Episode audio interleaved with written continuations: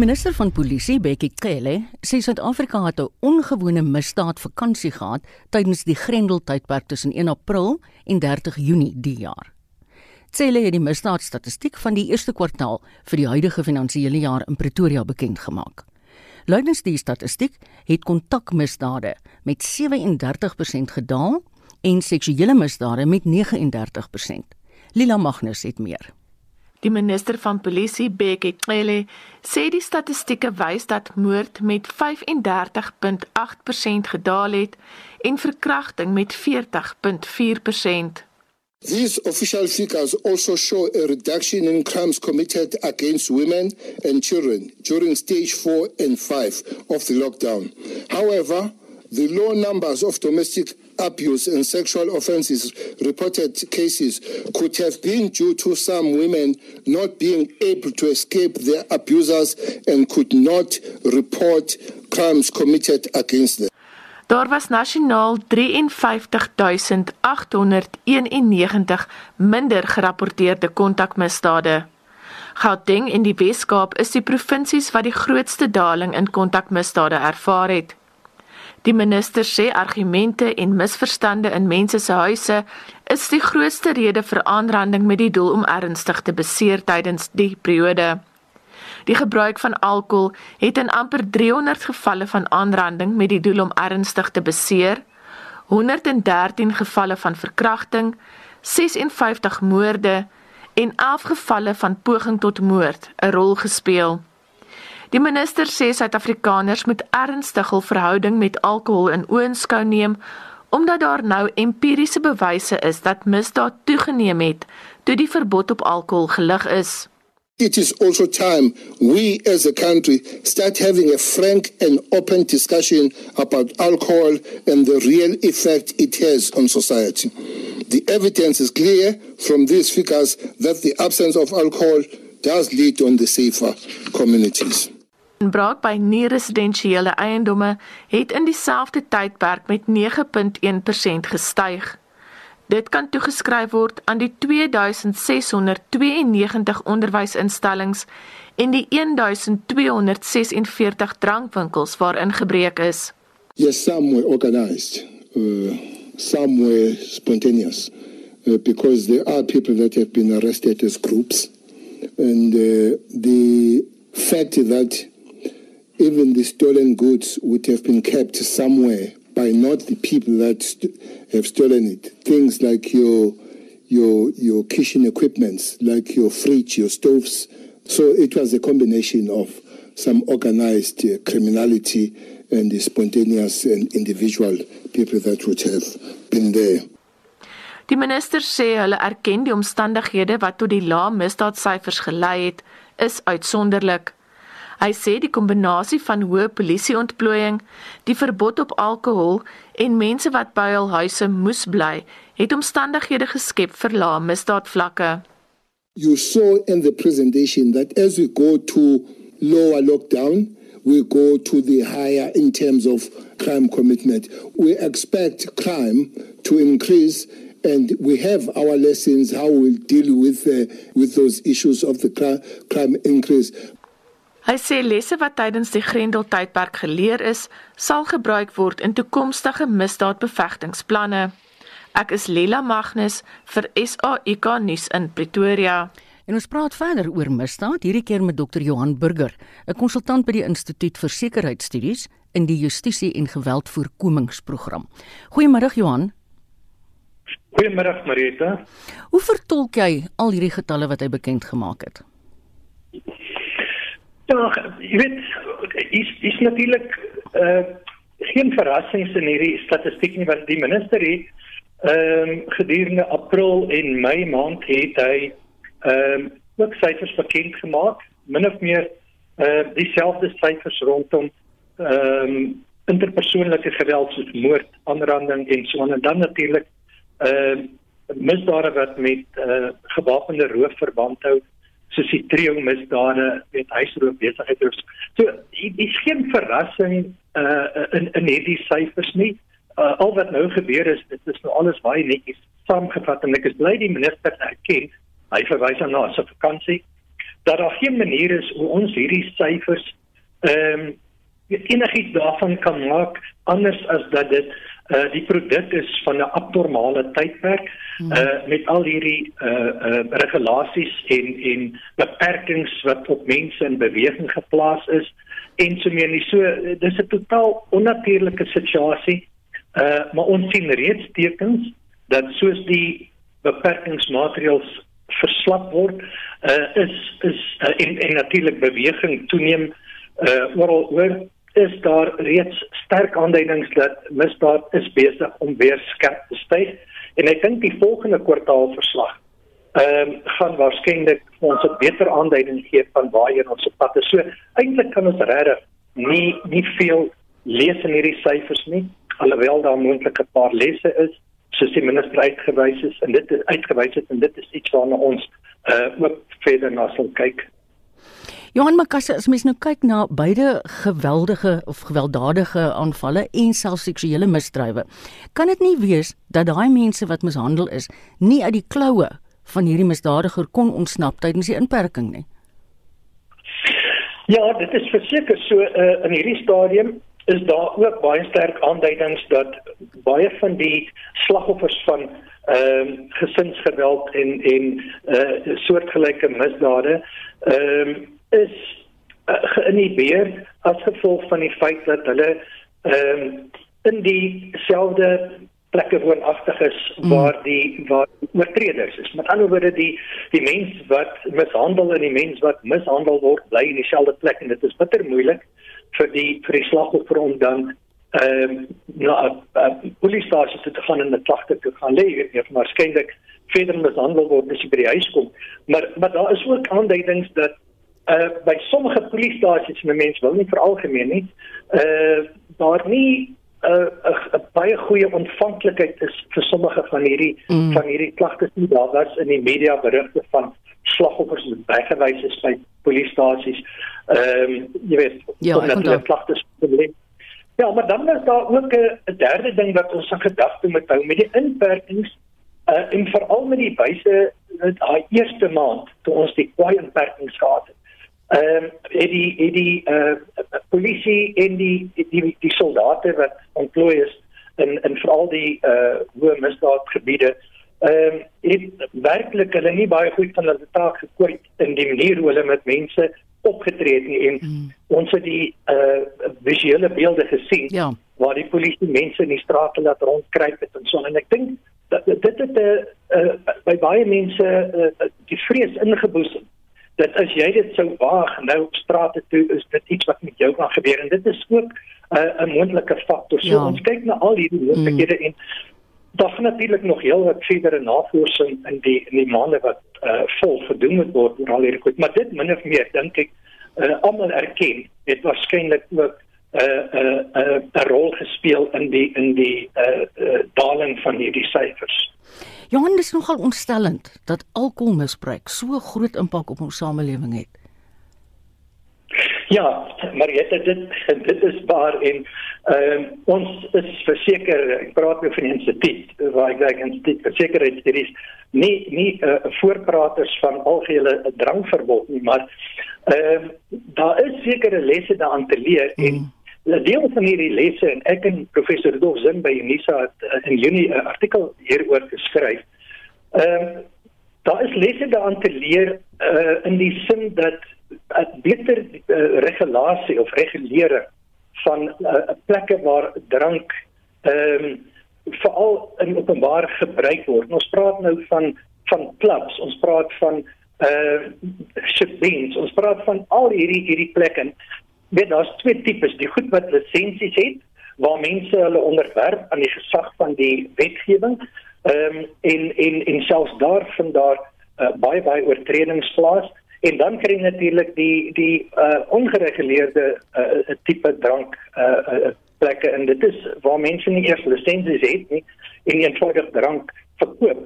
En ons spekuleer dat ehm um, een van die lesse wat geleer word uit hierdie inperkingstyd is dat daar aan die een kant beter regulering moet kom uh, in terme van die wetgewing self en ek dink die minister het ook daarna verwys en ek is bly hy het dit genoem En dan iets wat hy nie genoem het nie en wat ons nou in hierdie artikel uitgewys het is dat wetstoepassing ten opsigte van beide gelisensieerde en ongelisensieerde persele baie baie beter mm. moet plaasvind. Jy weet jy kry plekke wat ehm um, wat veronderstel is om sê 10 uur in die aand toe te maak of 11 uur in die aand toe te maak en baie van hulle bly deur nag oop. Ja. Van daardie mense wat daar uitstap is vallende uh, onder die invloed van drank. Mm. Uh daai omstandighede raak mense in bekleierery betrokke en dit wil eindig in ernstige beserings en selfdood of hulle klim in 'n motorkar en ry in die straat en dan uh beland in ongeluk en onskuldige mense sterf. Mm. Ons het navorsing in die verlede het gewys dat baie van ons sterftes uh vind juis in en om hierdie uh, drinkplekke plaas en dit staan ons nou uh as, as voor die hand lig en dat daar nie net beter regulering moet kom nie, maar beter wetstoepassing ja. in en rondom daardie persele. Ek kan onthou ek het 'n foto gesien wat geneem is van 'n polisieman wat by een van hierdie shebeens sit en drink.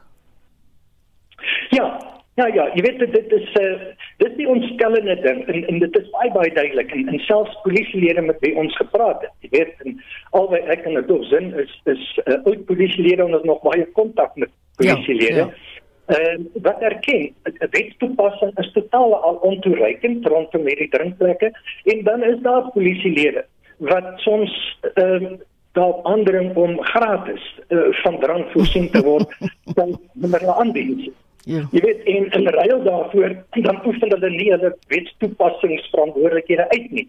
So hier is 'n groot klomp goed en nog 'n les wat daai te leer is is die oorsig strukture beide die nasionale uh uh polisie se uh, uh, parlementêre portefeulje maar ook die provinsiale portefeulje komitees en ander toesighoudende strukture het 'n verantwoordelikheid om te verseker dat die polisie veral rondom hierdie tipe uh, instellings hulle wetstoepassingsverantwoordelikhede baie baie nou geset nakom. Ja.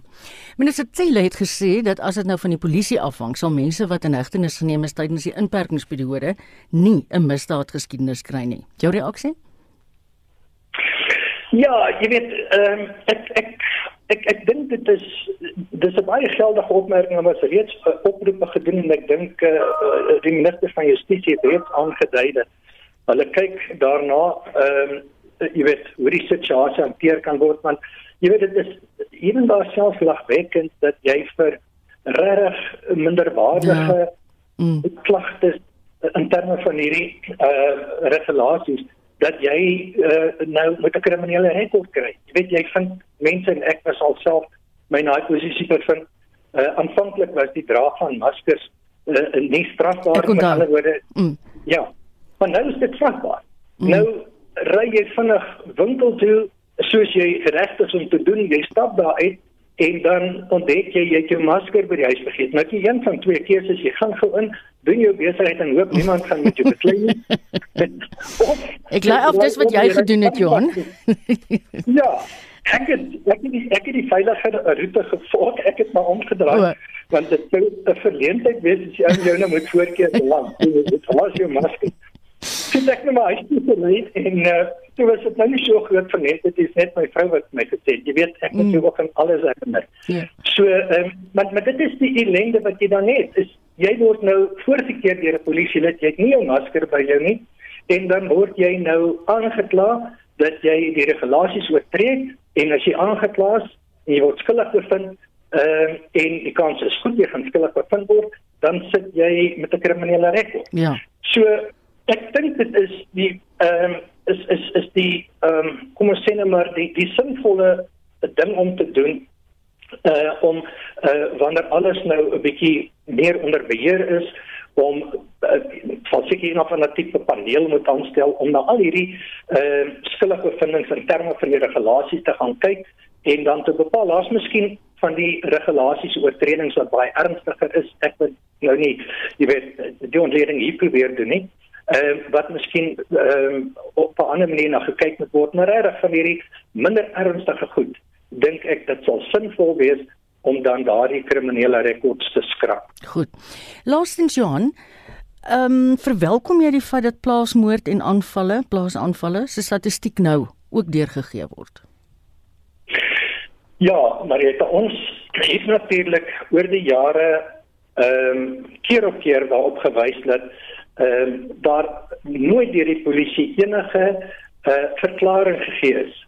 Ehm um, oor hoekom hulle die ehm um, die publikasie van van hierdie syfers uh sedert 2007 gestaak het. Hulle het uh gestaak tot in ek dink 20 2011 2010 2011 uh, maar maar selfs toe het hulle die syfers net bekend gemaak nadat die menseregte kommissie 'n uh, ondersoek begin doen het na plaasaanvalle en toe hulle kom getuig daar en vir die eerste keer sedert 2007 het ons weer ehm uh, die polisie se syfers hier gekry. Daarna het hulle dit periodiek bekend gemaak, maar nie gereeld nie. Maar nou sien ons daarom vir die afgelope uh eh, 2 jaar word dit weer in die polisie se jaarverslag uh bekend gemaak. Ehm uh, die die moorde, hulle het ehm um, een of ander rede die aanvalle uh nou nog nie bekend gemaak nie, alhoewel ek dit verstaan dat die nasionale kommissaris onderneming gegee het en ons gekonseerde landbou dat hulle in die volgende verslag ook weer die uh, uh syfers vir aanvalle sal bekend maak. Ja, en ek meen ons dit is belangrik. Dit is belangrik vir baie redes. Ons het te veel organisasies wat syfers gee en baie van hierdie syfers verskil en dit uh is is nie goed vir die geloofwaardigheid van hierdie syfers nie. Mens weet later nie meer watter syfer moet jy aanvaar of glo nie. En dit sal goed wees as die staat se struktuur verantwoordelik vir hierdie goed soos die polisie. Nou ehm uh, dit nie net in die jaarverslag nie, maar nou ook in die kwartaalverslag noem. Dan het mense 'n eenvormige syfer ja. waarmee jy jy kan werk. Baie dankie. Dit was Dr. Johan Burger, 'n konsultant by die Instituut vir Sekuriteitsstudies in die Justisie en Geweldvoorkomingsprogram. Nou die misdaadsyfers van gister toon dat byna 40% minder verkrachtingssake in die ingrendelperiode aangemeld is as oor die hele dieselfde tydperk verlede jaar. Maar kenners is tog maar skepties hieroor. Verskeie aktiviste het hulle tot sosiale media gewend om hierdie syfers te betwis. Hulle sê dat vroue deur familielede verhoed is om sake by die polisie aan te meld en dat polisielede, dikwels ook soos ons nou by Johan ook gehoor het, geweier het om die verklaringe te neem.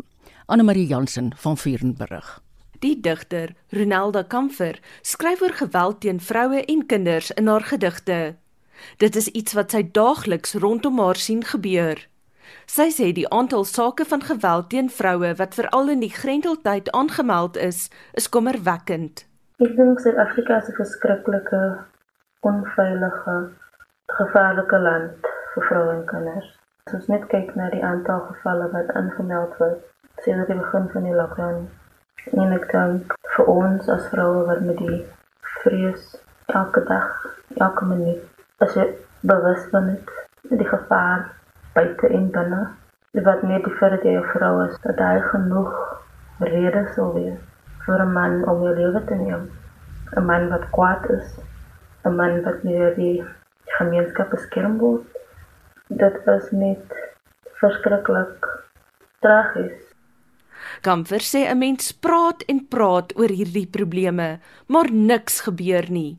Sy glo die probleem is dat owerhede dit nie ernstig opneem nie en dat mans nie standpunt inneem as hulle sien hoe hulle vriende hul vroue, ma's en kinders mishandel nie.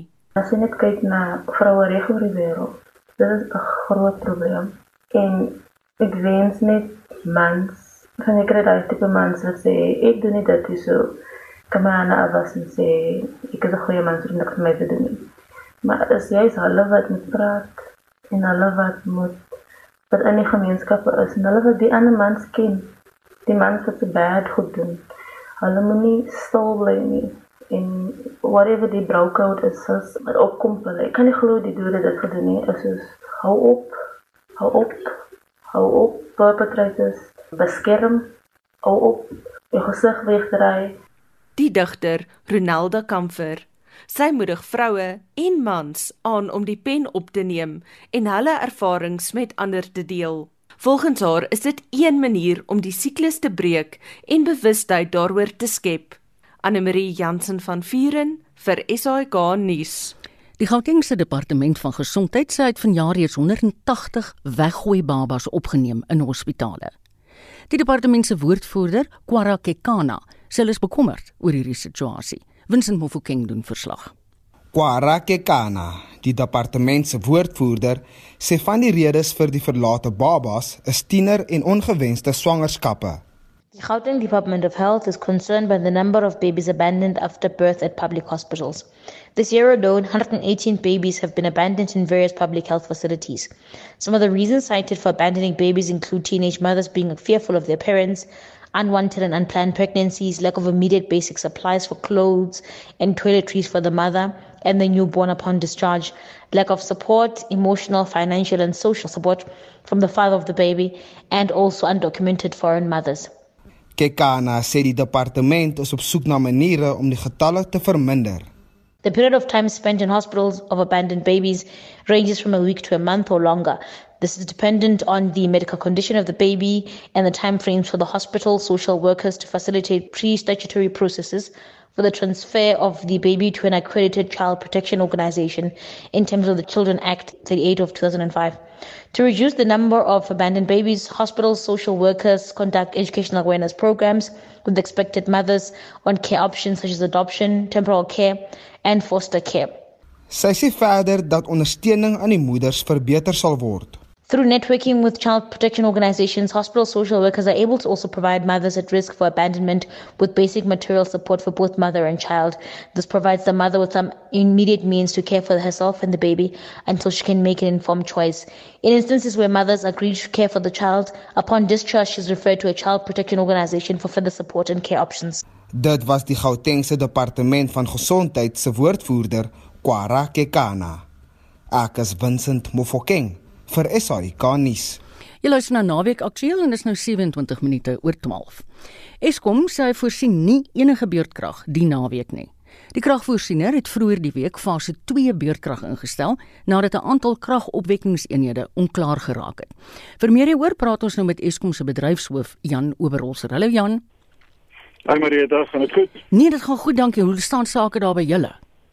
Nee, baie baie beter as uh, as uh, hierdie week. Um, yes, ek is bly. Uh, ja nee, kyk ons het 'n uh, redelike 'n moeilike week agterreg. Van verlede naweek deur gedurende die lang naweek het ons redelik hoeveelheid van hierdie eenhede van ons verloor on, op onbeplande onderhoud.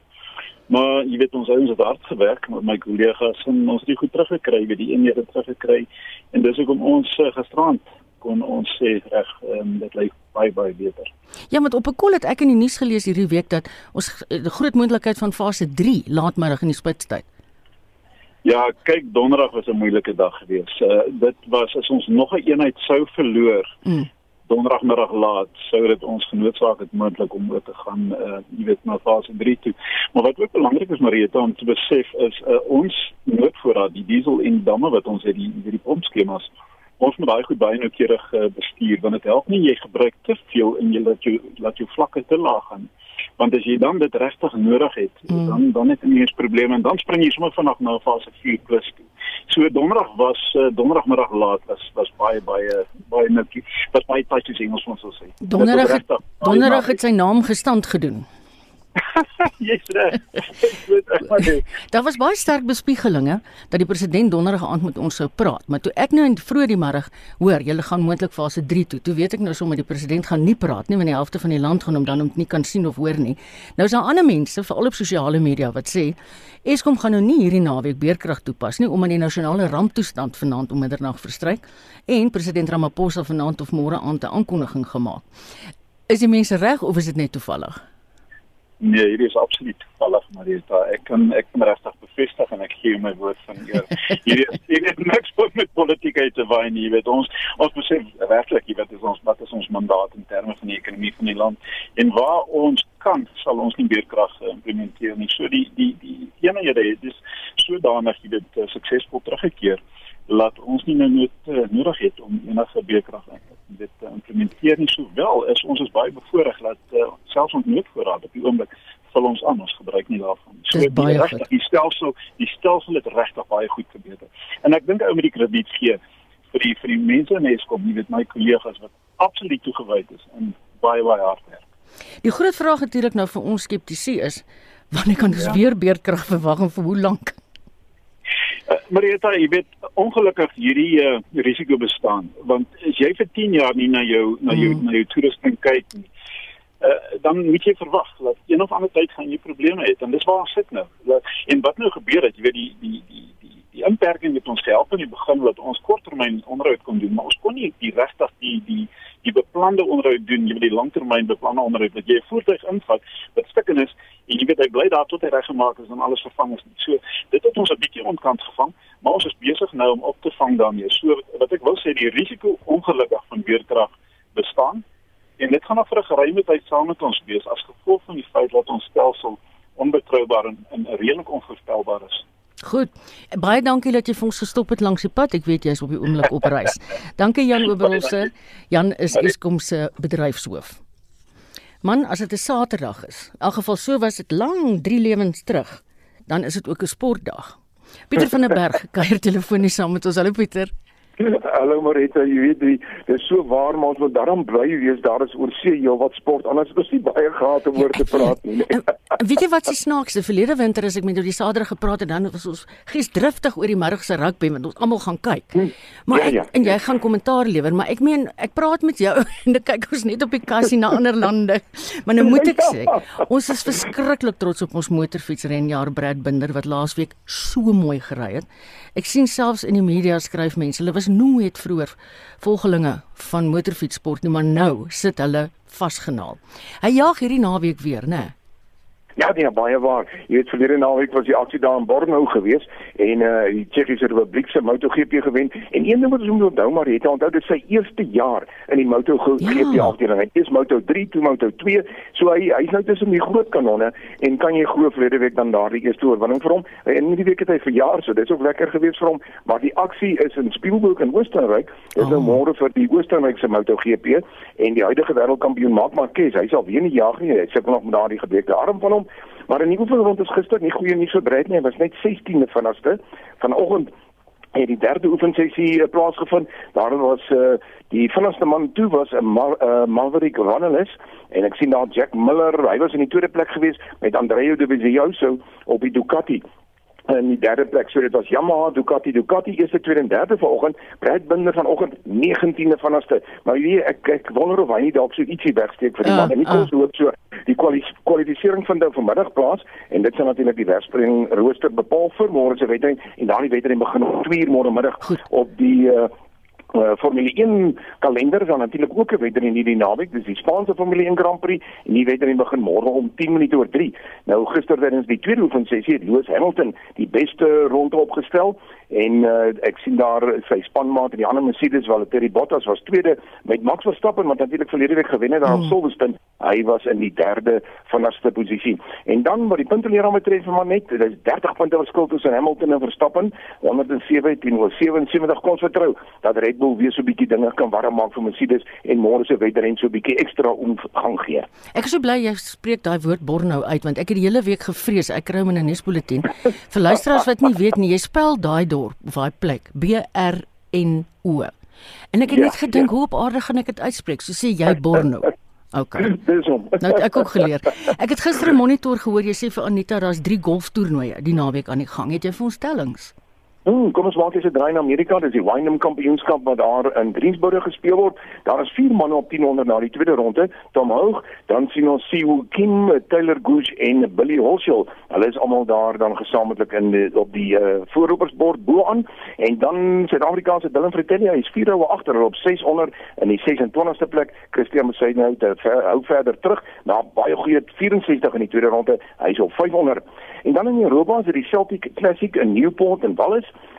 en die derde ronde is reeds aan die gang maar op die voorlopersbord Sammy Horsfield of Sam Horsfield hy is die voorloper met een nou op 1100 Thomas Peters is op 1000 in die tweede plek en dan die Suid-Afrikaners Wilco Ninaber op 500 en daar's drie spelers op 300 sy was 7 nee 8 hou agter die voorloper hulle Justin Walters Dean Burmester en Louis de Jager.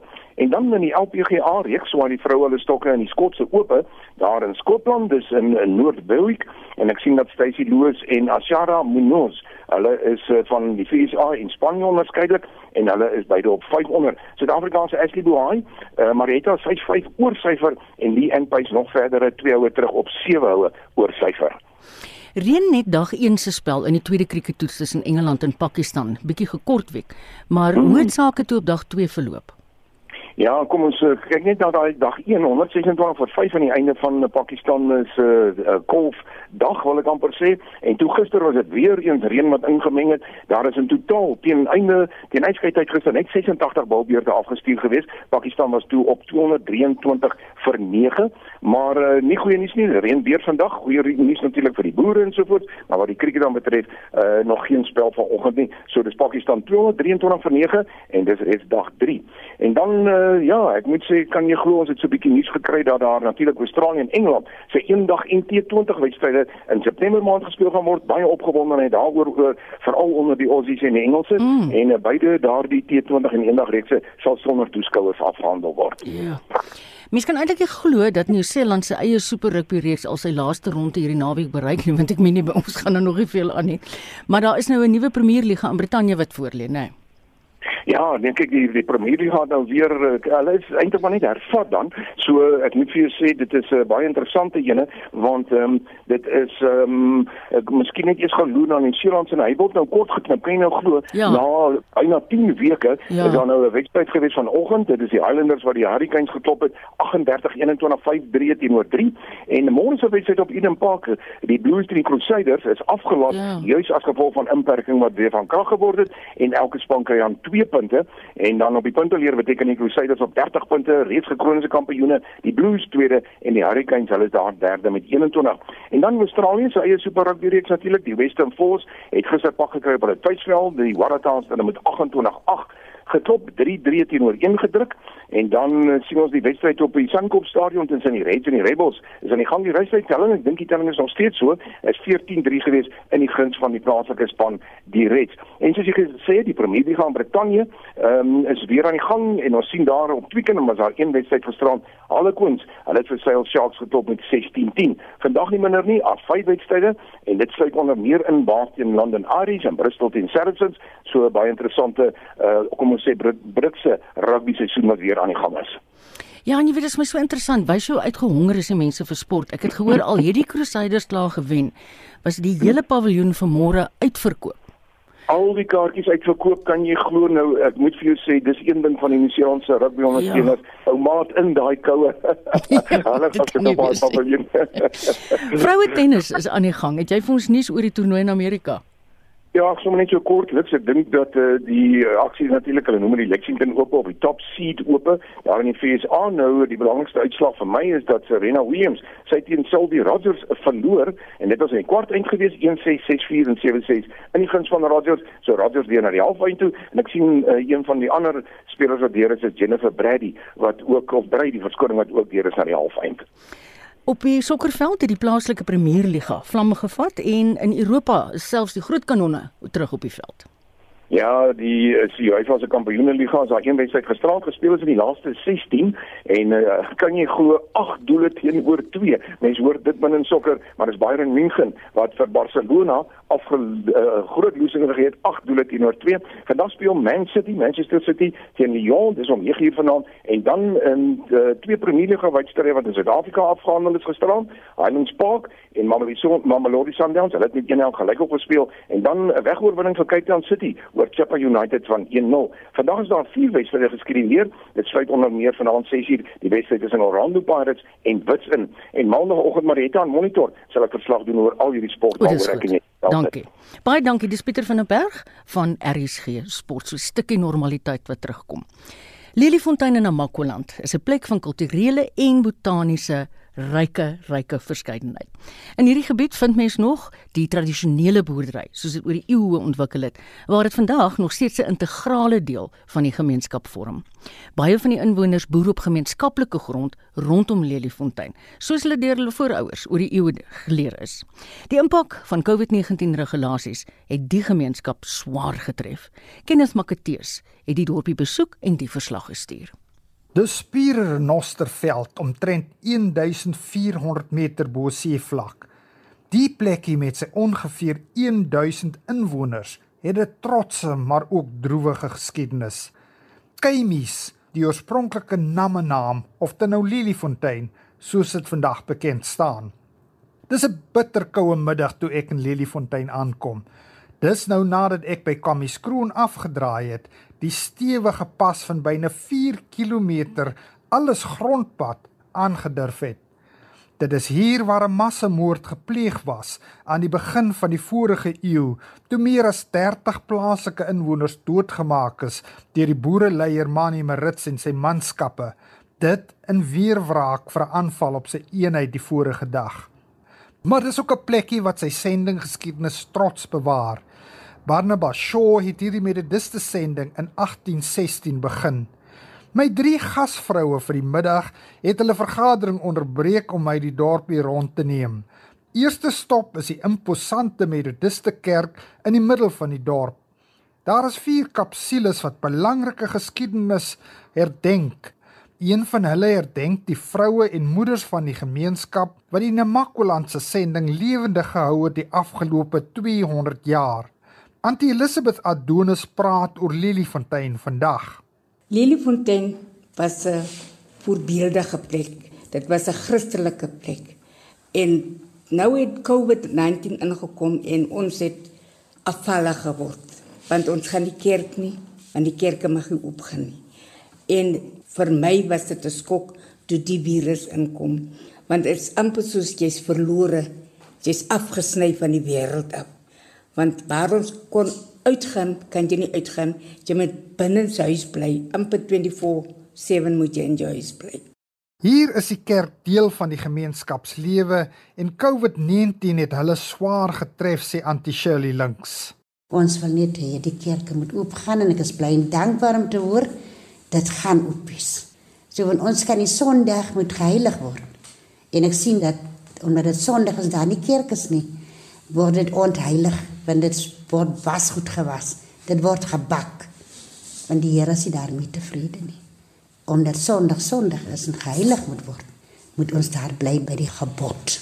Antikethy Bekes praat oor haar bekommernisse oor die gemeenskap wat sy haar lewe sluit en wat daar so na aan die hart lê. Want op hierdie oomblik, die plek is so vervalle. Werkloosheid het ingetree. Mense kan jy sien Ons mense kry swaar. Want hier is niks nie. Ons is mos nie dorpe nie waar jy kan gaan vir 'n werk nie. Ons is net hier. En as 'n jong mense regtig waar. Ons bejammer hulle so van hulle het nie werk hier nie. Hulle het niks nie. En dit is die ouers wat moet voorsien. Die drie vroue is staatmakers van die gemeenskap van Lilifontein, vroue wat die Here dien en glo dat die sosiale probleme van Lilifontein oorwin kan word. Maar vir hulle is die oplossing in hulle geloof en dit is wat Auntie Elizabeth Adams beam. Ons bid en vertrou op die Here. Want die Here het gesê daar sal pla uitkom en daar sal siektes en al die en dit lyk is een van hulle die. Ons moet op ons knieë bly en bid en vertrou op die Here. Toe ek groet sê hulle ek moet weer kom kuier en bibberend sê ek ek sal kom wanneer dit warmer is. Lachend sê hulle dit draak lekker warm op Lilifontein en sê die mense moet kom blomme kyk. Lilifontein se blomme kom altyd later as al die ander streke, sê hulle. Ek is Kenneth Makateus op Lilifontein. Ja, mens kan net dink dit is eintlik alweer blommetyd in Namakoland nie, né? In ons weeklikse motorrubriek toets Wessel Pretorius 'n Honda.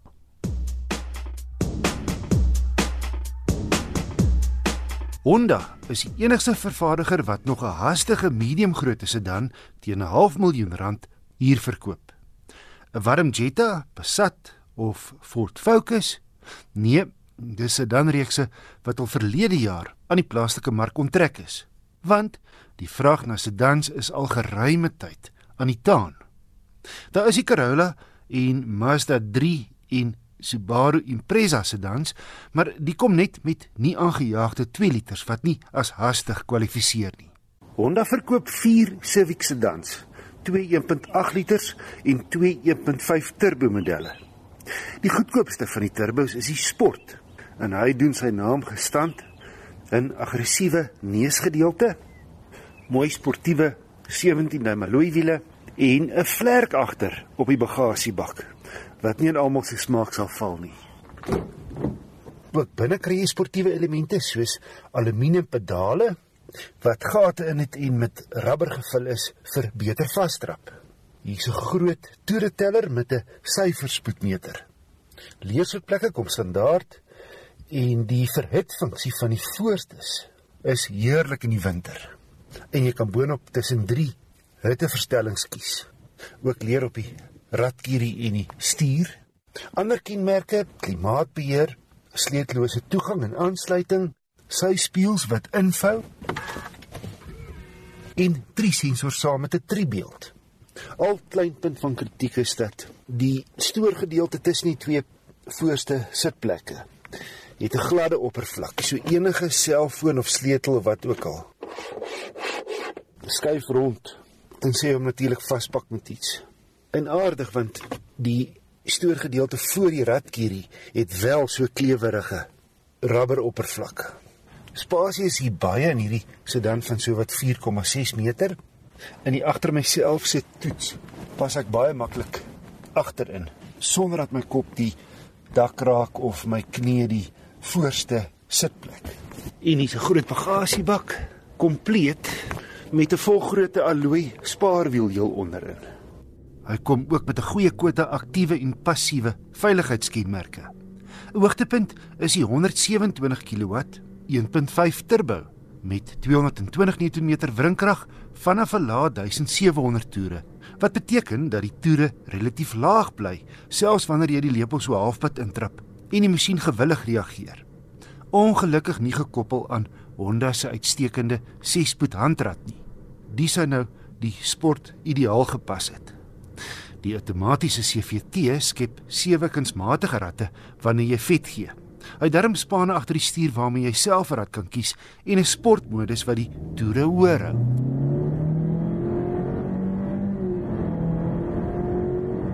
Kaarttydskrif het 0 na 100 in 'n flink 7,9 sekondes afgelê. Die gemiddelde verbruik op my stad en ooppadroete was 'n suiwige 6,6 liter per 100 km.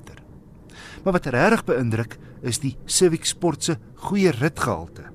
Gerieflik selfs oor ongelyke padoppervlaktes, maar steeds dinamies en padvas om vinnige draaie. My gevolgtrekking, die Honda Civic 1.5 Turbo Sport, is 'n ruim, goed toegeruste en redelike hastige sedan met 'n sportiewe baadjie maar ook lig op die sous vir die tradisionaliste wat 'n sedan bo kruisvoertuig verkies. Ja, hy steen 513 000 rand, 'n hele en duurder as die meer beskeie 1.8 Civics. Maar 'n hele en goedkoper as Duitse sedans met soortgelyke spasie, krag en luksehede. Saam met Honda se goeie reputasie vir betroubaarheid kom 'n 5 jaar 90 000 km diensplan as ook AA padbystand vir 3 jaar. Dit was Wessel Pretorius. Twee argeologiese ontdekkings wat die week bekend gemaak is, bewys dat antieke bevolkingsgroepe in Afrika en Australië meer beskaafd was as wat daar voorheen aanvaar is. Op eie bodem is die oudste beddings in die wêreld ontdek in die Lebombo-berge in KwaZulu-Natal. Die direkteur van Arka Ethnos Argeoloog, verbonde aan die Noordwes Universiteit, professor Anton van Vollenhoven, sluit nou by ons aan vir meer inligting. Goeiemôre Anton. Goeiemôre Marieta, môre hoe kan die luisteraars? Wat weet ons sover van die doel van hierdie beddings wat jy ontdek het? Ja, dit is baie interessant. Ehm um, wat hulle gevind het is dat ehm um, sekere grassoorte en dan spesifiek blare van die kamferboom gebruik is om beddegoed te maak. En die rede hoekom hulle dink dis beddegoed is die groot hoeveelheid want onthou nou dit is in 'n grot gevind mm. en in so 'n grot sal hierdie tipe van plante groei nie voorkom nie. En dan wat hulle ook gekry het is verskillende lae. So jy sal 'n laag kry van hierdie gras en blare mm. en dan 'n laag as en weer 'n laag gras en blare en weer 'n laag as. Wat dan nou daarop dui dat hulle besef het dat hierdie goed op 'n stadium uh, kom ons sê gesaniteer moet word. O ja. En uh, en en dan is dit gebrand en is 'n nuwe laag oor dit gegooi. Dis natuurlik nou om goggas en die soort van dinge weg te hou. Jenning. Wat se tipe ouderdom praat ons hier van Anton? Ja, hierdie is so 200 000 jaar oud, so dit val binne die middelsteen tydperk. En die oudste beddegoed wat ons van geweet het tot dusver is so 77000 jaar oud. So dit skuif nogal die datum vir hierdie tipe uh, bevinding baie ver terug. Jo. Is daar soortgelyke ontdekkings elders? Ehm um, ons is ons weet dat daar in Israel ook so iets gevind is ook in Europa. Ehm um, ons het 'n voorlopige datum vir uh in Israel van so 185000 jaar gelede, maar die datum is nog nie bevestig nie. So die datum sou nou die datum wat ons gehad het van 27000 jaar terug kon uh, verder terugskuif, maar nou ja, nou ons by Borderkuis ehm um, dit reeds verder teruggeskuif. KwaZulu-Natal word nogal beskryf as een van die brandpunte vir die ontdekking van vroeë bedrywigheid, menslike bedrywigheid. Dink jy hy kry genoeg aandag in die verband? Kyk, daar word geweldig baie navorsing spesifiek um, rondom rotskuns gedoen in KwaZulu-Natal. Uh mhm. -huh. En rotskuns word nou maar verbind met die mense van die laatsteentydperk en is juis hulle wat in die grotte gebly het. So daar in in daai opsig word dan nogal baie navorsing gedoen. En dan ook wat betref die Eystertydperk want ons weet dat van die eerste Eystertydperk bewoners al langs die Natalse kus af beweeg het. En van ons oudste datums daar wat strek tot so 2300 na Christus vir die Eystertydperk kan ons ook in KwaZulu-Natal. Kom ons verskuif die aandag nou heeltemal na Australië waar daar intussen bewyse gevind is van 'n piesangplantasie wat sowat 70 000 jaar terug onderhou is. Ja, dit is dit is baie interessant. Die rede daarvoor is dat ons tot dusver geglo het dat die Australiërs bloot jagte-versamelaars was, die vroeë mm. Australiërs. Mm. En hierdie dui nou daarop dat hulle natuurlik landbou beoefen het en dit beteken dus dat daar ook al denke ingegaan het dit was nie sommer net 'n uh, 'n geswerf 'n uh, mense wat geswerf het nie maar wat begin het om op 'n plek te bly waarskynlik klein dorpies het, het tot stand gekom en dan natuurlik hierdie terrasse wat gebou is waarop die verskillende gewasse verbou is Anton, hoekom is ontdekkings soos hierdie so belangrik, veral in terme van die vooraf opgestelde idees oor beskawing? Ja, dit verander heeltemal ons ons idee van beskawings, ons idee van die geskiedenis van die mens. Uh in hierdie spesifieke geval, ehm um, is daar maar altyd gedink dat die Australiese inboorlinge baie agterlik was uh, in vergelyking met Papua Nieu-Guinea wat eintlik maar baie naby aan Australië is waar ons wel weet dat daar landbouers was. En skielik verander die prentjie nou heeltemal. En dan wat veral baie belangrik is dat die oomblik wat mense begin landbou beoefen, beteken dit hulle vestig. En nou weet hmm. ons dat die Britse kolonialiste ehm um, gesê het maar toe hulle in Australië aankom, het niemand grond besit nie, so hulle kan maar eenvoudig die land in besit neem. En daardie storie sal natuurlik nou verander en dit herinner ons natuurlik dan baie aan aan wat ons ook hier in Suid-Afrika kry. Ja, ja. Hy is ontsaglik interessant. Baie baie dankie. Dit was die direkteur van Arka Etnos Argeoloog verbonde aan die Noordwes Universiteit, professor Anton van Vollenhoven. Sondag aand om 8uur op RSG se aktualiteitsprogram Kommentaar bespreek ek Hendrik Weingart en my gaste onder meer die nuutste oor die COVID-19 inperkingsmaatreëls gebeure by die Zondo-kommissie na staatskaping en die Amerikaanse presidentskandidaat Joe Biden se aanwysing van Kamala Harris as sy veldtogmaat. Die paneel bestaan uit die mede-redakteur van Vrye Weekblad, Max de Pre, die regsgeleerde en aktivis Melene Rousseau en die politieke joernalis Jan Jan Joubert. Dis kommentaar Sondag aan om 8uur net hier op RSG. Nou dat ons met die Grendeltyd so baie tyd by ons huis het. Jy kan gerus na enige van die ons SAIK vir al RSG nuusprogramme weer gaan luister. Elke monitor, Spectrum, naweek aktueel op Saterdag, kommentaar en finansiële fokus op 'n Sondag aand tussen 8 en 9 is almal beskikbaar as 'n potgooi op RSG se webblad. So, daar kry jy baie keer nogal baie interessante onderwerpe. Maar dit is tyd vir ons lot om te groet want Essie sit reg met die 1 uur nuus.